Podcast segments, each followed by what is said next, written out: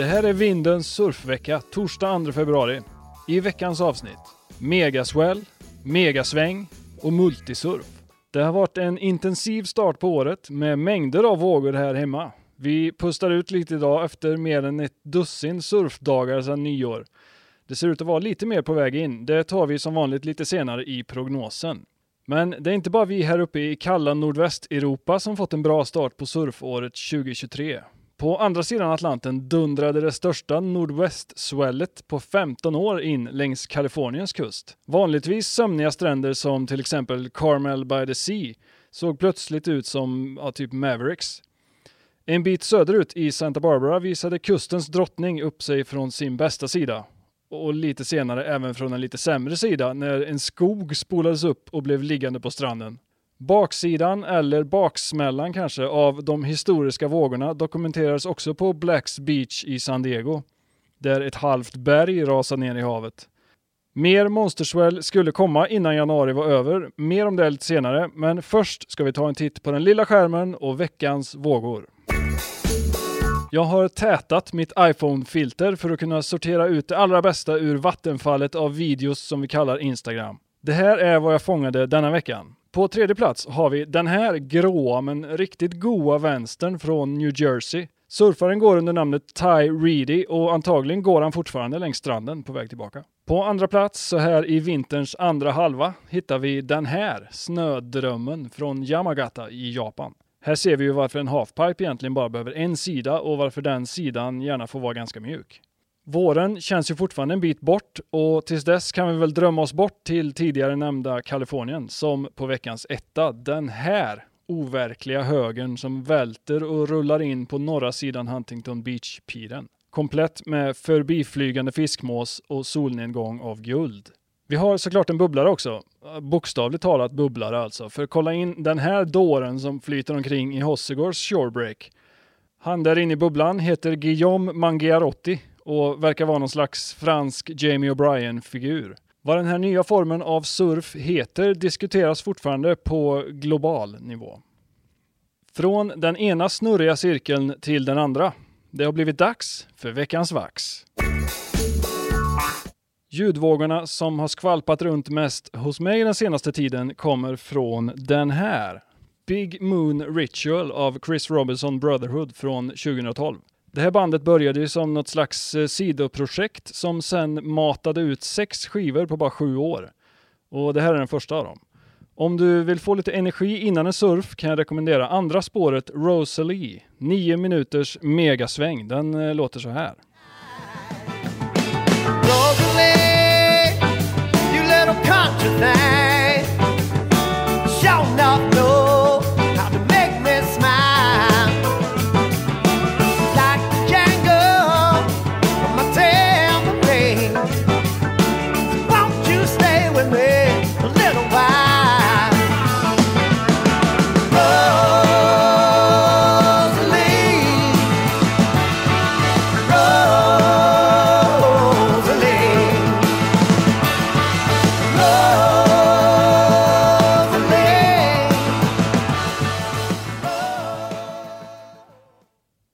och när du sen behöver varva ner lite efter surfet, då kan du bara rulla vidare in i nästa låt. Star or Stone heter den. Den går eh, lite mer så här. Oh,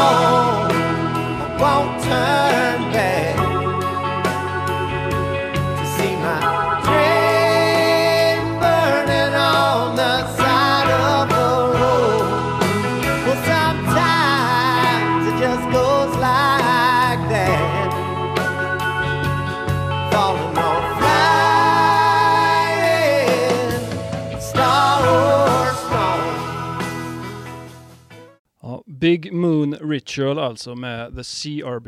Kolla in den och alla andra musiktips här från programmet på Spotify i spellistan Veckans Vax. Okej, om du vill ta en lite längre paus i av vad det nu är du gör när du inte sitter och kollar på mig så har jag hittat något som passar dig perfekt, nämligen veckans video. Filmen som jag skulle vilja tipsa om denna vecka heter Absent Without Leave och eh, följer ett gäng jänkare som beger sig till andra sidan jorden och utforskar Nya Zeelands södra ö. Det bjuds på långa åk, på långa brädor offroad-röj på två hjul, partysurf i stillastående vågor och såklart ett avslutande dunderscore.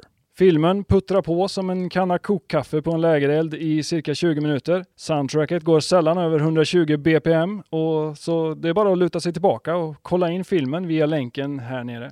Det har blivit dags att se vad som har hänt i surfsportens värld.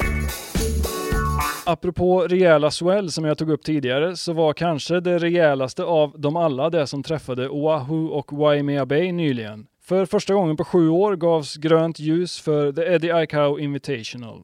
Tävlingen som kräver vågor på minst 20 fot och minst typ 3 pers som droppar in samtidigt. Eftersom vågorna på Hawaii mäts från baksidan, ingen verkar riktigt veta varför, betyder det alltså 40 fots vågor sett från stranden, det vill säga minst 12 meter för att tävlingen ens ska börja. Hela Stilla havets befolkning hade begett sig till North Shore och fick bevittna en mäktig tävling som passande nog slutade med seger för livräddaren Luke Shepardson strax före Johnny Johnny Florence.